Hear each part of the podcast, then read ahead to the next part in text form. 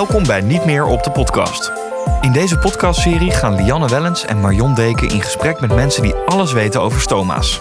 Omdat ze er zelf in hebben of omdat ze bijvoorbeeld stoma's aanleggen bij anderen. Wat is een stoma eigenlijk en hoe voelt het nou om er een te hebben? Tegen wat voor problemen kan je aanlopen en hoe reageert je omgeving eigenlijk op je als je een stoma hebt? Je hoort het in Niet meer op de podcast. Martijn kreeg op de middelbare school een stoma vanwege colitis ulcerosa.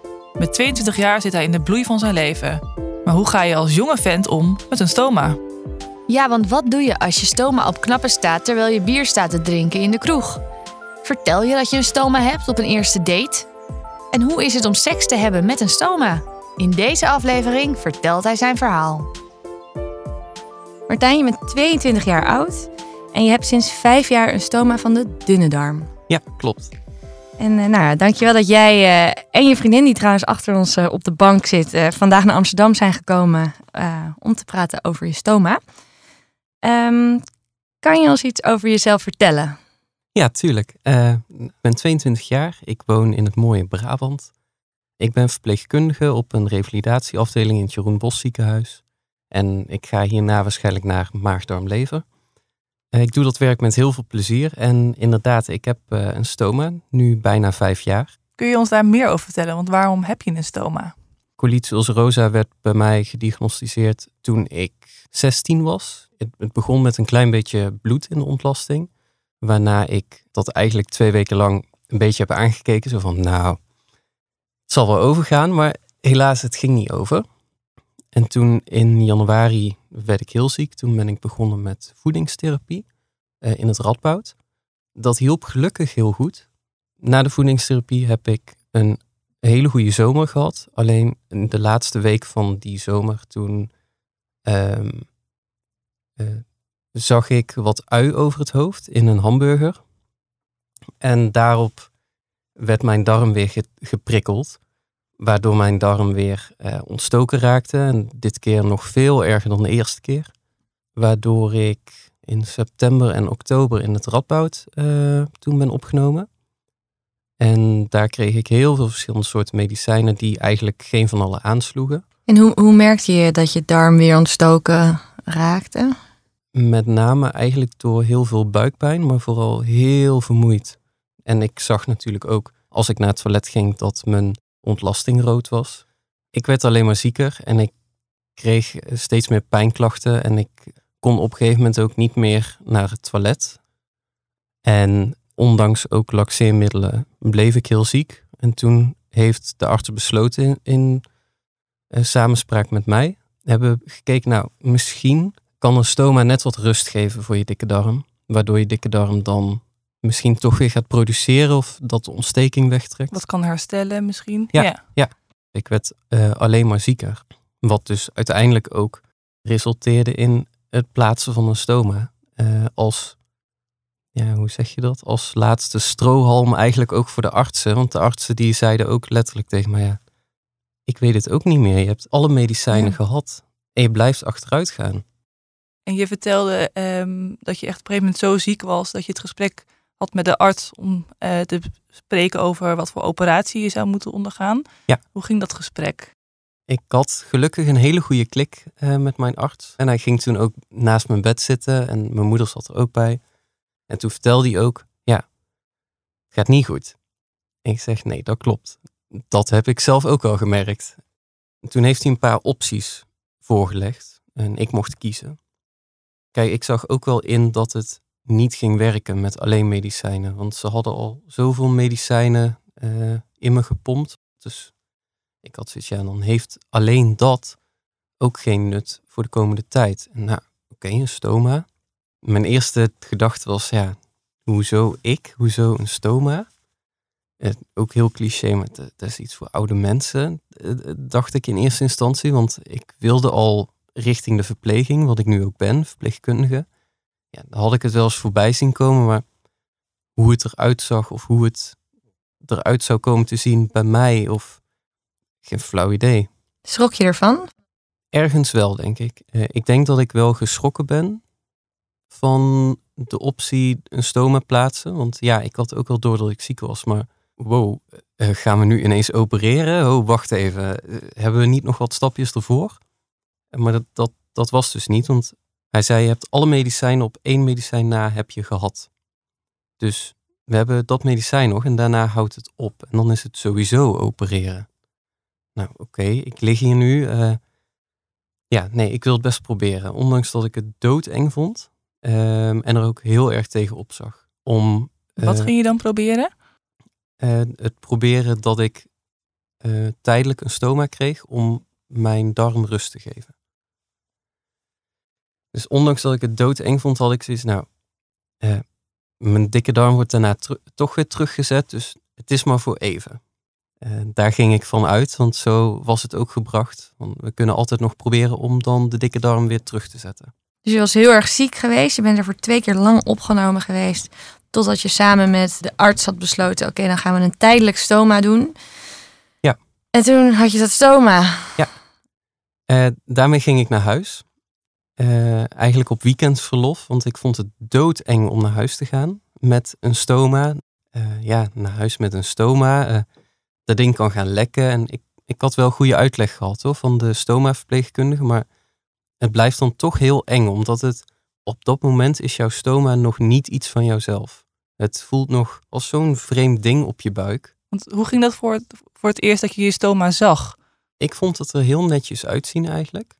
Het is een soort klein roze bolletje wat eh, eh, op je buik lijkt geplakt. Het enige verschil tussen een klein lief roze bolletje en een stoma is dat hier eh, soms poep uit kan spuiten. Echt uit kan Spuiten. ja, echt uit kan spuiten. Ehm, eh, als je het verkeerd timed met erop plakken, kan je ook helemaal onder zitten. Maar Is dat wel eens gebeurd? ja, ja, ja, dat is echt wel eens gebeurd. Of dat de spiegel helemaal onder zit. Ehm, want je voelt, zeker als het heel dun is, voel je het niet altijd aankomen. Ehm, en dan kan het spuiten. Ja, dan ben je iets langer bezig met opruimen. Maar goed, eh, dat is dan maar zo. Maar ik kan me wel heel goed voorstellen dat eh, sommige mensen daar heel vies van kunnen zijn. Die, die daar ook heel erg van kunnen schrikken. Van jeetje, wat gebeurt er nu? Ja, Eh, want je, je zegt dat is dan maar zo. Maar ik kan me ook voorstellen dat het klinkt alsof je er aan gewend bent. Is dat zo? Ja, inmiddels ben ik eraan gewend. Zo moet, moet ik het denk ik zeggen. Eh, de eerste keer dat, dat ik hem zag, eh, weet ik nog, werd ik heel emotioneel. Ehm, omdat ik toen heel erg zoiets had, waarom, waarom gebeurt mij dit? Waarom moet ik, eh, Ja. waarom moet ik een stoma krijgen? En ja, ik, ik vond het gewoon heel erg eng. En het hielp ook niet echt mee dat ik in het eerste weekendverlof toen ik naar huis ging in één nacht zes lekkages had. Ja.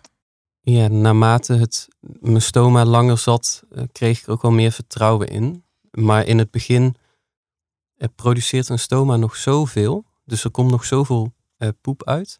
eh, omdat je darmen heel erg moeten wennen aan de nieuwe situatie. Dat je ehm, wel heel erg gefocust bent op, oh jee, ik moet zo meteen naar het toilet. Omdat je stoma soms zo snel vol kan zitten in het begin. Dat je dan denkt, oh jee, eh, zo, zo meteen gaat die lekken. Zo meteen sta ik ergens en dan, dan word ik helemaal vies. En dan eh, komt overal poep. En Hoe vaak moest je daar dan aan denken? Is dat echt iets van elke half uur moet je daarna moet kijken? Of Eh, in het begin, toen ik hem net had, had ik denk ik ieder uur toch wel dat ik naar het toilet ging. S S'nachts niet, gelukkig. Maar toen moest ik wel vaak naar het toilet. En dan ben je daar ook heel erg op gefocust. Ook als je het huis uitgaat. Eh, als je dan ergens naartoe gaat, dan, dan ben je echt aan het scannen. Waar is het toilet? Maar goed, dat was ik al gewend van toen ik nog geen stoma had. Je gaf net al aan, Martijn, toen je net voor het eerst je stoma zag, dacht je, waarom overkomt mij dit? En ging dat gepaard met veel angst, zei je.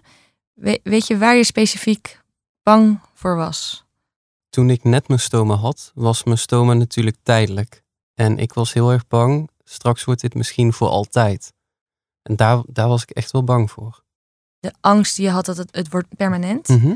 We- weet je waarom je daar zo bang voor was? M- Waarom ik zo bang was eh, in het begin voor mijn stoma en met name voor het stukje van nou straks wordt het misschien voor altijd, is denk ik omdat je je zelfbeeld dan aan moet passen. Dus jouw, jouw zelfbeeld van ik ben Martijn en zo zie ik eruit, dat verandert compleet. Want je hebt, ja, je hebt een gat in je buik.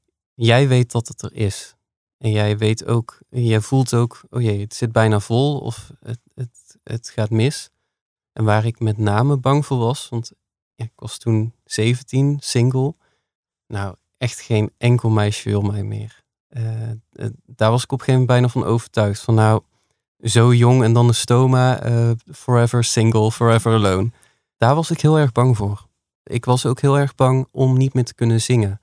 Ik speel namelijk in musicals en ik zing heel veel. Als je zingt gebruik je buikademhaling. En een stoma zit door je buikspieren heen. Dus ik dacht, ja, die, die kan ik niet meer aanspannen. Ik kan niet meer zingen. Ik kan niet meer zwemmen. Ik kan niet meer naar de sauna. Ik uh, uh, kan niet meer vrijen met uh, vriendinnetjes die ik tegenkom. nou, hier houdt het op. Dat, ja. Daar was ik heel erg bang voor. Eigenlijk alle dingen die het leven normale, leuk maken. En normale jongens van 16, 17 willen doen. Ja. ja. Maar kon je daar op dat moment met, met vrienden of met andere mensen over praten? Ik kon daar thuis goed over praten met mijn moeders. Ik merkte dat het wat lastiger was om het met vrienden daarover te hebben, omdat zij, zij woonden net op zichzelf, uh, waren net aan het studeren. Waardoor zij al heel veel dingetjes zelf hadden. En dan is voor iemand van mijn leeftijd ook een stoma een beetje een ver van zijn bedshow. Dat, ja, heel veel weten niet eens hoe het eruit ziet. Laat staan uh, hoe ze mij zouden kunnen helpen met het te verwerken. Ja. Tuurlijk hebben ze daar echt wel hun best voor gedaan. Maar dat, dat, ging, dat ging gewoon niet altijd. Ook omdat ze hun eigen dingen hebben waar, waar ik alle begrip voor heb. Dat ze hun eigen dingen hebben en dat ze zelf ook zoekende zijn en zelf ook aan het kijken zijn hoe kan ik hier aarden op mijn nieuwe plekje. En ik moest, ja, eigenlijk moest de stoma bij mij aarden om eraan te wennen. En ja, dat zeg je dat mooi. Was, dat was echt wel iets wat ik zelf moest doen. Maar waar ik ook wel voor naar maatschappelijk werk ben geweest. Om ja, eigenlijk alleen maar erover te kunnen praten. Van goh, dit is er allemaal gebeurd. Uh, nu heb ik ineens een stoma. Tijdelijk, denk ik, soort van. Ja, wat als het inderdaad blijft? Uh, kan ik alles nog doen wat ik wil? En dat heeft me toen wel rust gegeven om daar met iemand buiten de familie of buiten de vriendengroep, om daar even mee te kunnen praten. En dan dat diegene eigenlijk soms alleen maar hoeft te zeggen van ja, maar waarom zou dat zo zijn? Dat ik dan soms dacht, ja, ja.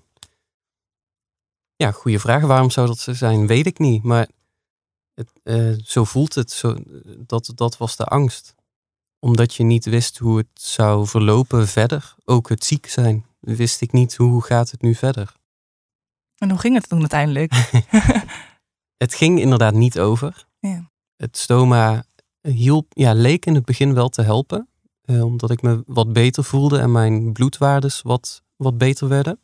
Uh, uiteindelijk ben ik toen, toen ik mijn stoma nog niet zo lang had, ben ik ook weer gewoon gaan werken en weer naar school. Uh, waar ik heel blij mee was dat ik dat weer kon doen. En toen zat ik maar nog maar een paar weken op school en toen merkte ik eigenlijk weer, nou, dit, dit, gaat niet de goede kant op. Toen ehm, heeft mijn moeder me in de auto gezet En zijn we naar, weer terug naar het Radboud gereden. Waar de arts ook zei, nee, inderdaad, dit gaat niet goed. Uh, je bent weer gewoon heel erg ziek. En toen was ik bezig met de laatste kuur van een nieuw uh, middel, vedolizumab. Inmiddels is dat wel redelijk gangbaar, maar dat was toen nog heel nieuw. Maar totaal geen effect, hmm. helaas.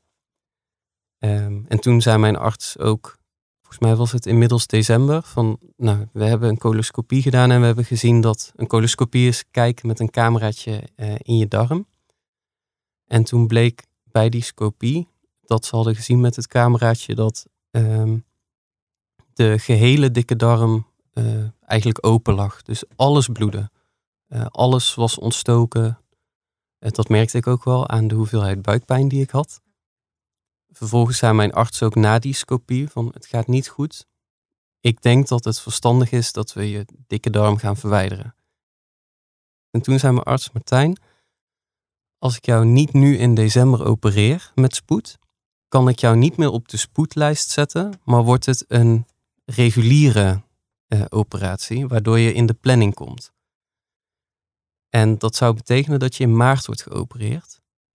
Maar Martijn, maart ga je niet meer halen. In maart ben je overleden. En dat was voor mij wel een moment dat ik dacht, oké, het gaat er dus echt aankomen dat mijn darm eruit gaat en dat mijn stoma voor altijd wordt. Maar dat is nogal wat. Als een arts tegen je zegt, we hebben niet zo lang de tijd. Dat ga je niet halen. Ja, dat vond ik toen ook heel erg heftig. Dat, dat vond ik een ontzettend heftig moment dat hij dat zei. Want had je zelf door dat het zo ernstig was? Nee, nee, ik had niet zelf door dat het, dat het zo ernstig was. Ik had wel door, nou, ik verlies inderdaad best wel veel bloed. Als ik dan te laat bij het toilet was, dan stond ik in een plas bloed. ehm, van soms wel, eh, denk ik, 70 centimeter doorsnee. Gewoon. Dus ik ben toen op 22 januari eh, 2016 ben ik geopereerd. Ja. En ehm, is mijn dikke darm verwijderd. Behalve mijn endeldarm.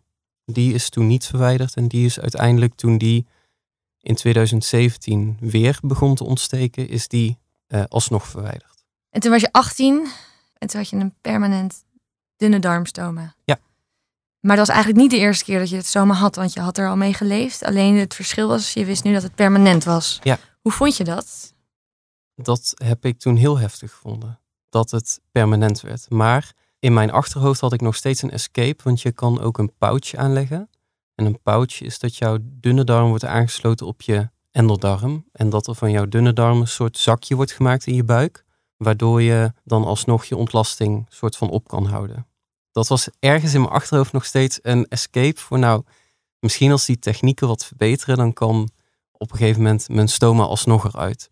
Het was eigenlijk pas na de endeldarmverwijdering dat ik echt dacht, shit, ja, Dit nu is het nu. Nu hij echt voor altijd. Ik weet dat mijn stoma voor altijd is, maar ik kan het me nog steeds niet, niet voorstellen dat ik straks misschien een keer kinderen krijg en dat ik dan ja, nog, steeds, nog steeds een stoma heb. Het is inmiddels wel een deel van mij en het is gewoon ja, mijn stoma. Ik heb ook niet, sommige mensen hebben een koosnaampje of zo, net dat, dat heb ik niet. Het is gewoon mijn stoma. Ja.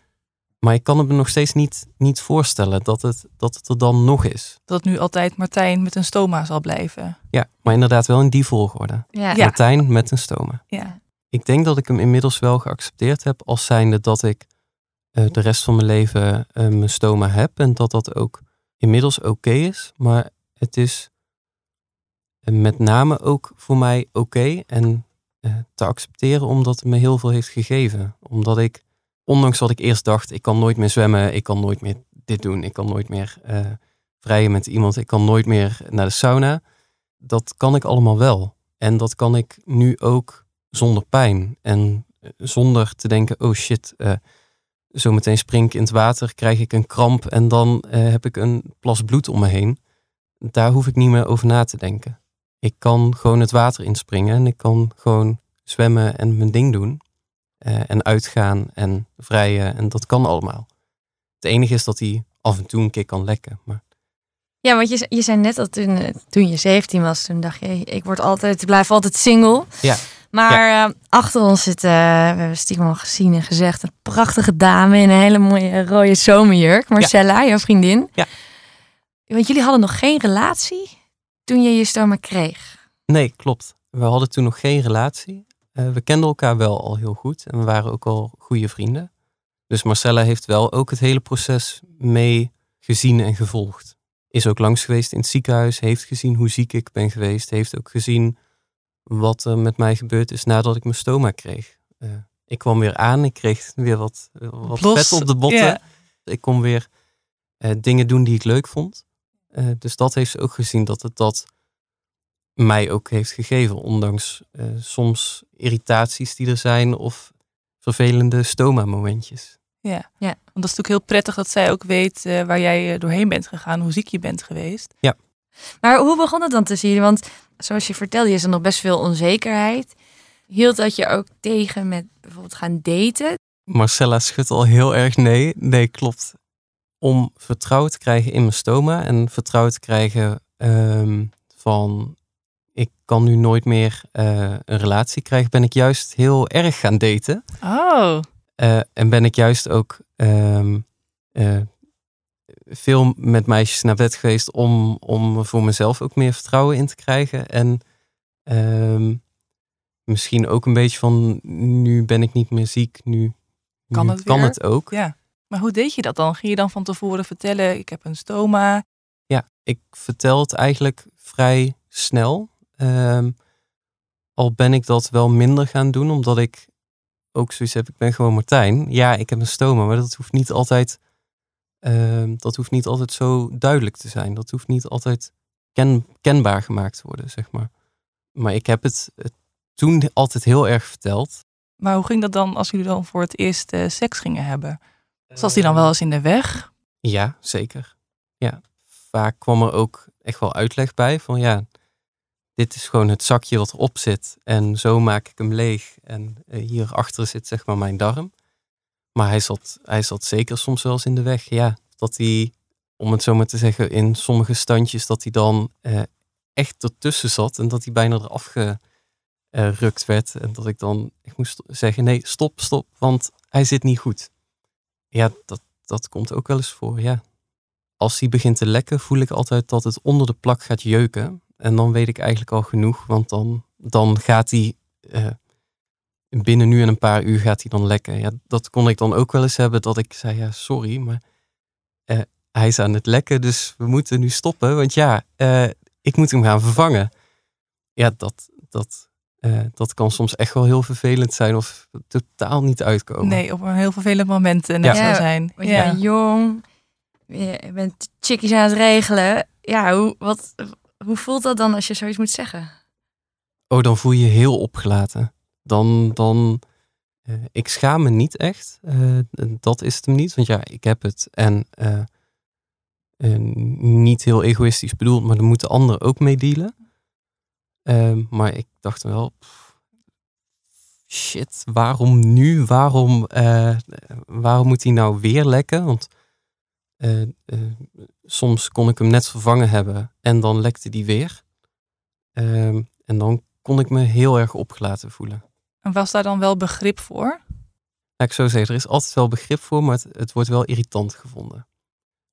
Ook Marcella kan soms echt wel eens een keer zuchten als ik dan een keer zeg van ja, sorry, maar ik moet nu echt naar het toilet, want hij loopt vol. En dan kan Marcella soms ook wel eens... Oh, of Marcella oh. vindt het bijvoorbeeld ook heel irritant als ik naar het toilet ga. Ook soms tijdens, tijdens een film of ook tijdens het vrij. Want eh, om het te legen, dat kan soms best wel even duren. Zeker als het eh, best wel dik is, de ontlasting, dan duurt het even voordat ik hem geleegd heb. Bespreken jullie dat ook wel eens met elkaar, hoe dat dan gaat en wat jullie daar dan van vinden? Ja, we hadden uh, in het begin, uh, kon Marcella ook echt wel opmerkingen maken van als ik weer eens naar het toilet moest, dat het was of uh, alweer. Uh, en ik merkte dat ik daar heel heftig op kon reageren. Um, van hoezo maak jij dat soort opmerkingen? Ik ben hier degene die moet dealen met een stoma. En op een gegeven moment dacht ik wel bij mezelf, ja, maar ik ben niet de enige inderdaad. Ik ben niet de enige die moet dealen met mijn stoma. Marcella moet dat ja. net zo goed. Uh, Marcella moet, moet er ook maar aan wennen dat als ik haar een knuffel geef, dat ze dan soms een soort kleine baby uh, hier rechts op mijn buik voelt, die dan uh, bij haar ook in de buik port. Of dat ik dat we op het punt staan om te gaan en ik ben net naar het toilet geweest en ineens komt er een soort golf in mijn stoma en dat ik zeg, nee, sorry, ik moet weer. Ja, dan kan ik me heel goed voorstellen dat ze dan af en toe zegt, jeetje, zucht. Um, maar daar hebben, we het, daar hebben we het echt wel over gehad en dat ik ook heb afgeleerd om daar fel op te reageren. Uh, omdat ik ook wel door had, ja, het is ook, voor haar is het niet niks. Ik ben, ja, wat is normaal, maar tussen aanhalingstekens, ik ben geen normale vriend. Ja, Martijn, je bent uh, natuurlijk 22. Ja. Hou je van een biertje? Ga je wel eens uit? Uh, ja, zeker ga ik wel eens uit. Al pak ik de laatste tijd wel wat, wat minder bier tijdens het uitgaan, maar ben ik vaak de bob. Omdat ik merk dat ik uh, sinds ik een stoma heb soms ook wel heel heftig op alcohol kan reageren. Natuurlijk ook in combinatie met het uitdrogen, omdat alcohol uh, vocht uit je lichaam verdrijft. Maar met carnaval vergeet ik dat allemaal en ga ik zeker wel uit. en op nou, foute parties en zo. En dan drink ik, drink ik echt wel wat. En gaat dat altijd goed? Ja, wat is goed?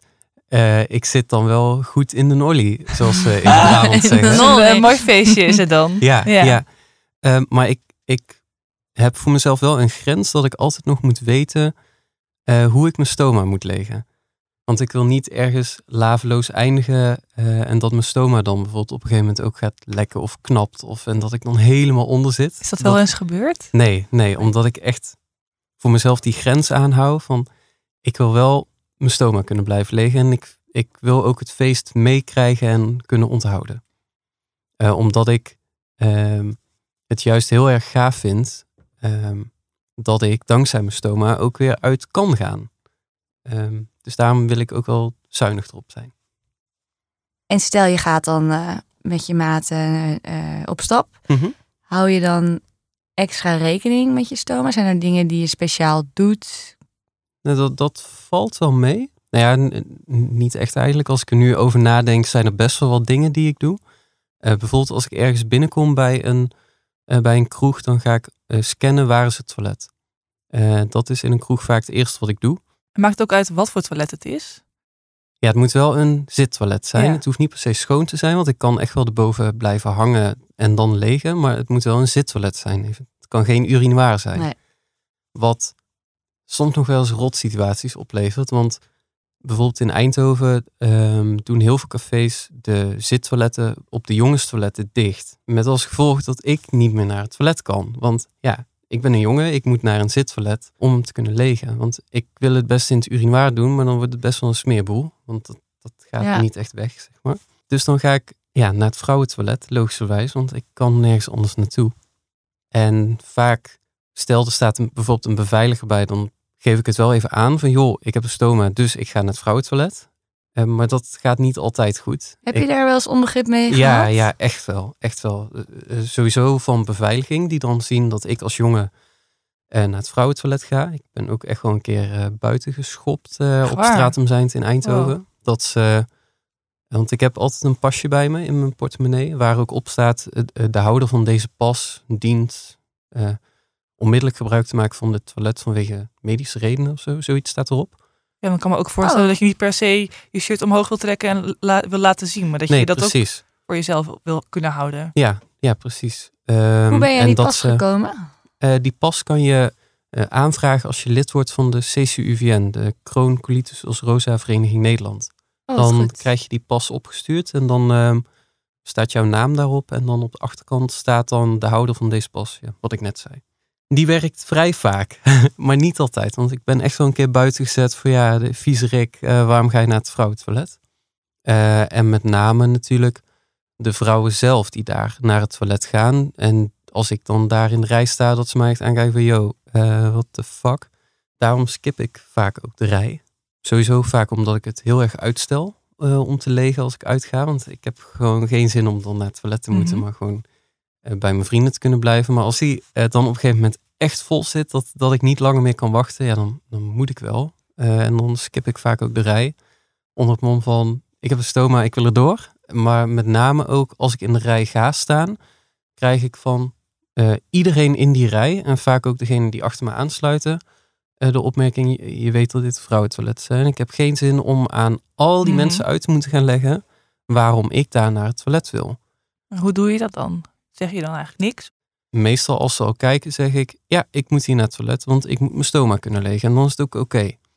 Maar als, als ze soms echt veel op hebben, dan, dan kan ik ook wel eens ja, kom op jongens. En ik heb ook echt wel eens een paar keer gewoon mijn shirt omhoog gedaan. En hierom moet ik naar het toilet en ik wil er nu door. Eh, Zeker als die wat voller zit. Dan zie je best een bobbel ook in mijn shirt eh, of mijn blouse of net wat ik aan heb. Eh, dan is er meestal wel een soort tandenknarsend begrip eh, van oké, nou ja, vooruit. Vind je dat het uitgaansleven dus eigenlijk veel stoma-patiëntvriendelijker zou mo- moeten Oh, zijn? echt wel. Maar ook restaurants en openbare toiletten. En, en niet alleen voor stoma-dragers, want stoma-dragers hebben het voordeel dat ze het nog redelijk op kunnen houden. Eh, als in, het zakje kan echt wel wat hebben. Maar met name de periode dat ik nog geen stoma had en dat ik eh, van het een op het andere moment, shit, ik moet nu naar het toilet, want ik voel het eh, eraan komen. Eh, dat je dan een toilet hebt. Dus je hebt wel verschillende apps dat je openbare toiletten kan zoeken. Maar Hoe zouden we die bewustwording beter kunnen maken? Hoe zouden we dat anders kunnen doen voor jullie? Oeh, dat is een goede vraag. Misschien meer vanuit de gemeente überhaupt plaats of gewoon openbare toiletten aanwijzen. Uh, dat voor iedereen ook duidelijk is. En dat ze alsjeblieft schoongehouden worden. Want ja, of je moet heel ongemakkelijk ergens een restaurant binnenlopen. En dan zeker als het toilet helemaal achter in het restaurant is. Dat je denkt, shit. Ja, dus daar moet eigenlijk... restaurant uh... uitgekozen. Dat je dan langs alle tafeltjes moet lopen. En natuurlijk denk je dan altijd, uh, zeker als je hem zelf een beetje ruikt, denk je natuurlijk altijd, oh shit, iedereen kijkt naar me om, want iedereen ruikt hem. Meestal is dat helemaal niet, maar dat is voor jezelf zo, omdat het um, voor jezelf voelt het altijd heel groot. Ieder geurtje, ieder geluidje. Dan denk je, oh shit, ja, iedereen hier in deze zaal weet nou dat ik, uh, dat, dat, mijn stoma het geluid maakt. Ja, vaak hoort de buurvrouw of buurman naast me het nog niet eens. Maar um, nee, ik vind echt wel dat ze daar iets mee mogen doen. Dat er makkelijke, toegankelijke toiletten zijn, ook waar je niet voor hoeft te betalen. Want, uh, ja, dus er is eigenlijk ruimte voor verbetering. Ja, echt wel. En Martijn, je vertelde net al in het begin, je hebt uh, tijdens je periode van ziek zijn uh, veel steun gehad van je vrienden, ook al waren die niet altijd in de buurt.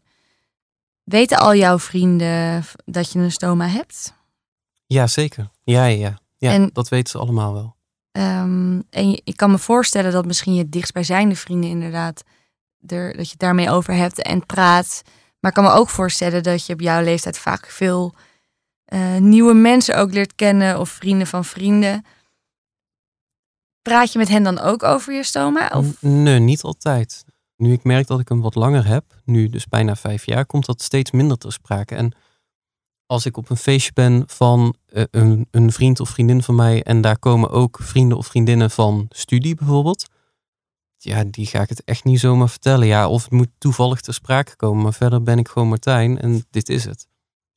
Maar ik heb echt wel mijn, mijn inner circle, um, wat vrienden betreft, met wie ik het deel, maar met wie ik ook echt wel ditjes en datjes deel van uh, goh, ik had toen en toen een lekkage.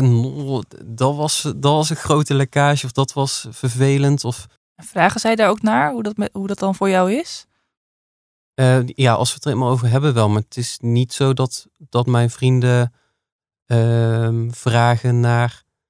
Hoe is het met je ehm, stomen? Ja, ja, bijvoorbeeld ook omdat ik zelf heb aangegeven... joh, ja, dat heb ik, maar het is goed zo. Soms wordt er ook heel direct naar gevraagd. Bijvoorbeeld een vriendin van Marcella. En out of the blue uh, vroeg ze... Ja, Martijn, je hebt een stoma. Dat vind ik eigenlijk best wel interessant. Mag ik hem zien? Uh, uh, ja. daar heb ik dan ook niks, niks op tegen hoor. Dat mogen ze prima zien van mij. Maar het was wel dat ik dacht... Oh, dit heb ik nog nooit meegemaakt. ja, oké, is goed. Vond je dat dan juist prettig of onprettig dat ze er zo direct naar vroeg?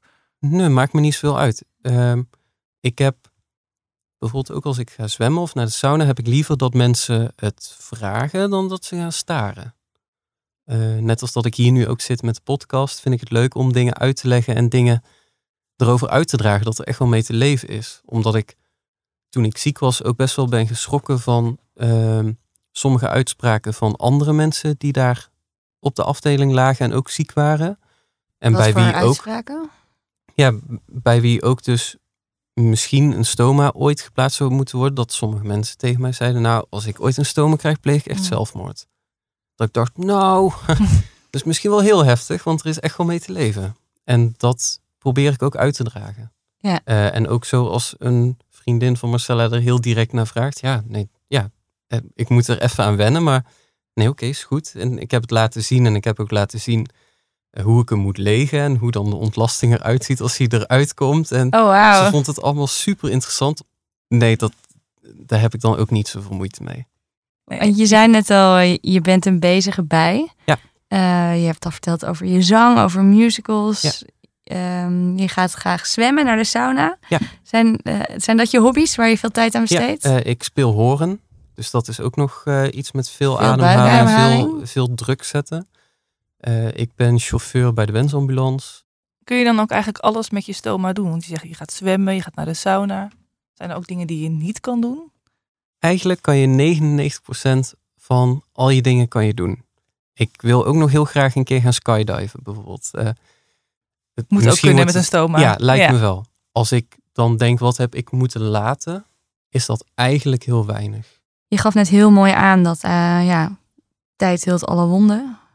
Zijn er op dit moment nog wel dingen die je nog wel lastig vindt om het over te hebben? Of die je, ja, waar, wat je moeilijk vindt om over te praten?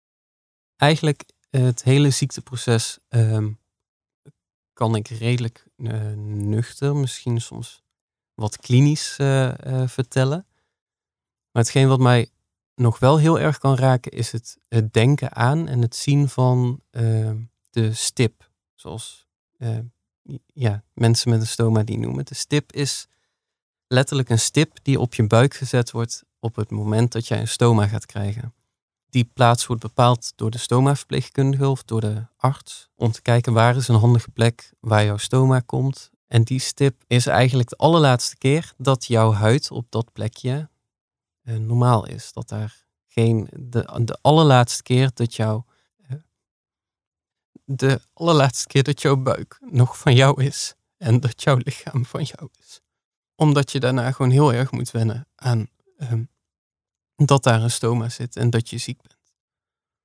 Um, ook omdat het colitis ulcerosa en Crohn zijn hele venijnige ziektes, maar je ziet ze niet. Je ziet ze niet aan de buitenkant. En op het moment dat jij een stoma krijgt, zie je het ineens. Dan zie je, ik ben ziek, ik heb littekens. Um, ja, het laat letterlijk zijn littekens naar je. Ja, jullie horen ook dat ik emotioneel word. Gewoon omdat die stip mij heel veel doet. Die stip is um, gewoon de laatste keer dat je, ja, dat je je buik normaal ziet. Zeker als je een stoma voor altijd krijgt. Is dat de laatste keer en daarna zit er altijd een, ja, een zakje. Ik kan ook alleen nog maar van foto's uh, bedenken hoe het eruit zag. Ik kan, ik kan in mijn hoofd kan ik bijna niet meer denken, oh ja, hoe het ervoor was. Zo ziet het eruit zonder stoma. En dat, uh, ja, dus, dat vind ik heftig. Ja, want is het dus eigenlijk ingrijpender voor je het moment voordat je je stoma kreeg dan dat je daarna je stoma zag? Ja, ja. ja het moment er vlak voor. Dat, uh, en met name in uh, retrospect. Dus als je erop terugkijkt, dan pas merk je hoeveel die stip voor jou betekent. Ik weet ook nog bij de operatie dat ik nog naar mijn stip keek.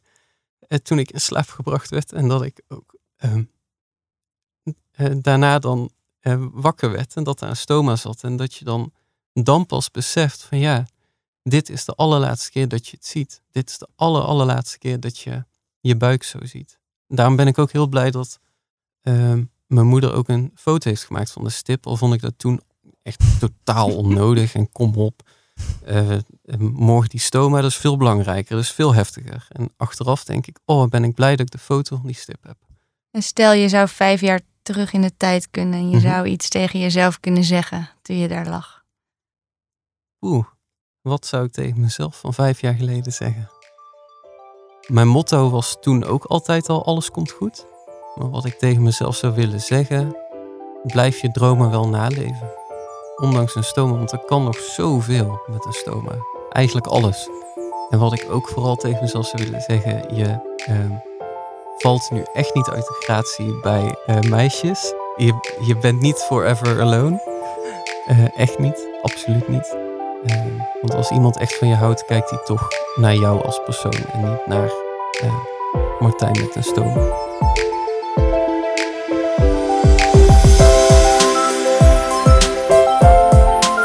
Dank voor het luisteren. Wil je nou meer weten over stoma's? Neem dan een kijkje op www.stomavereniging.nl. Of blijf luisteren naar deze podcast.